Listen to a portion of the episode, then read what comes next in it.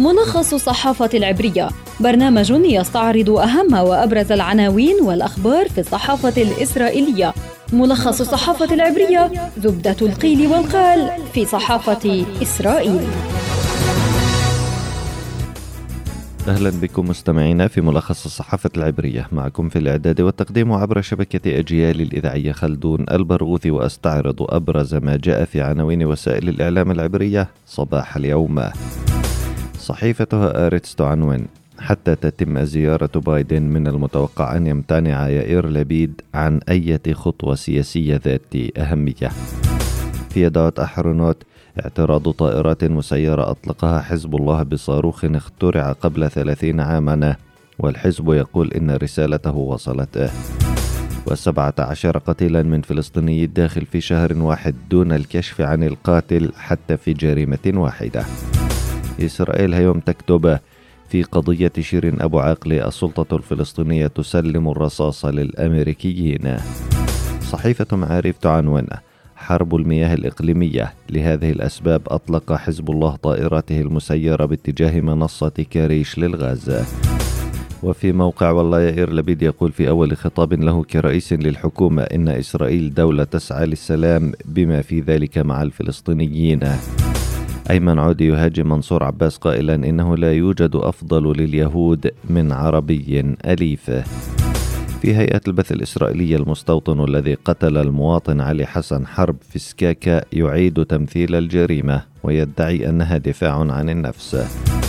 القناة الثانية عشرة عنوان يائير لبيد يطلق خطابا مختلفا عن خطاب نتنياهو ويلمز لليمين. وفي القناة الثالثة عشرة لبيد في خطابه الأول يقول إنه يمد يده للفلسطينيين. قالت صحيفة هآرتس إن رئيس الحكومة الإسرائيلية يائير لبيد سيمتنع عن القيام بخطوات سياسية ذات أهمية حتى زيارة الرئيس الأمريكي جو بايدن بعد نحو عشرة أيام. وسيمتنع لبيد في هذه الفترة عن أي تحرك انتخابي وسيركز على بناء صورته كرئيس للحكومة عبر المشاركة في فعاليات ومناسبات رسمية.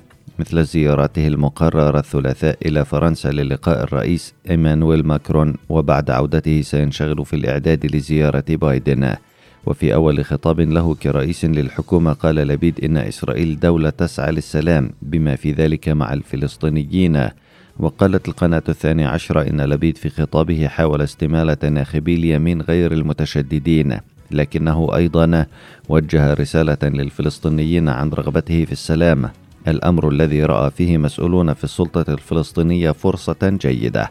ونقلت القناة عمن وصفته بأنه مسؤول فلسطيني كبير قوله إن السلطة تأمل أن يعبر لبيد علنا عن المواقف التي كان يعبر عنها في الجلسات المغلقة مع المسؤولين الفلسطينيين واعتبر المسؤول الفلسطيني حسب القناة الثانية عشر أن لبيد هو أفضل من باقي الخيارات الأخرى.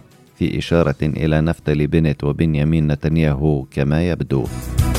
في شأن آخر بلغت حصيلة جرائم القتل في صفوف الفلسطيني داخل 17 قتيلا خلال 30 يوما ولم تتمكن الشرطة الإسرائيلية من الكشف عن الجناة في هذه الجرائم وتصاعدت عمليات القتل في الأسابيع الأخيرة وبلغت الحصيلة منذ بداية العام وحتى يوم أمس 47 جريمة قتل تم الكشف عن الجناة في ثمان جرائم فقط وآخر القتلى هو بسام قبلان شقيق الرئيس السابق للمجلس المحلي لبيت جنة وكان شقيقه الثاني لقي مصرعه بالرصاص قبل ست سنوات.